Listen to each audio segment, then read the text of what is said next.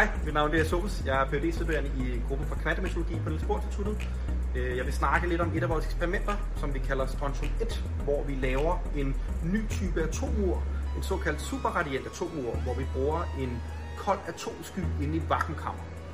Så først skal vi generere nogle kolde atomer, og det gør vi ved hjælp af en atomstråle, som vi får ud af en atomovn, som vi har hernede.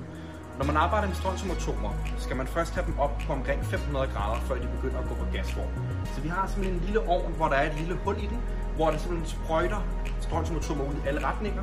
Men en lille del af dem, de vil gå igennem et rør i midten af den her, det her aggregat her, som vi kalder en semandslåger, som er en blanding af magnetfelter og en laser, der går igennem hernede fra, som simpelthen sløver atomerne fra ca. 400 meter i sekundet til ca. 10-20 meter i sekundet.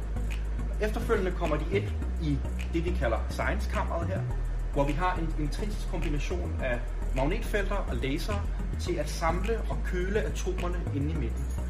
To spoler her, som I ser, løber der omkring 80 ampere igennem, så det er, der, der er godt smæk på, øh, og det er et meget, meget, meget stærkt magnetfelt. Men inde i midten, præcis inde i midten mellem de to, der er der nul magnetfelt.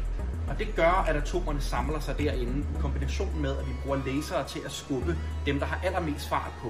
Det er dem, der absorberer lyset, og de enkelte lyspartikler, fotonerne, skubber så atomerne tilbage mod midten.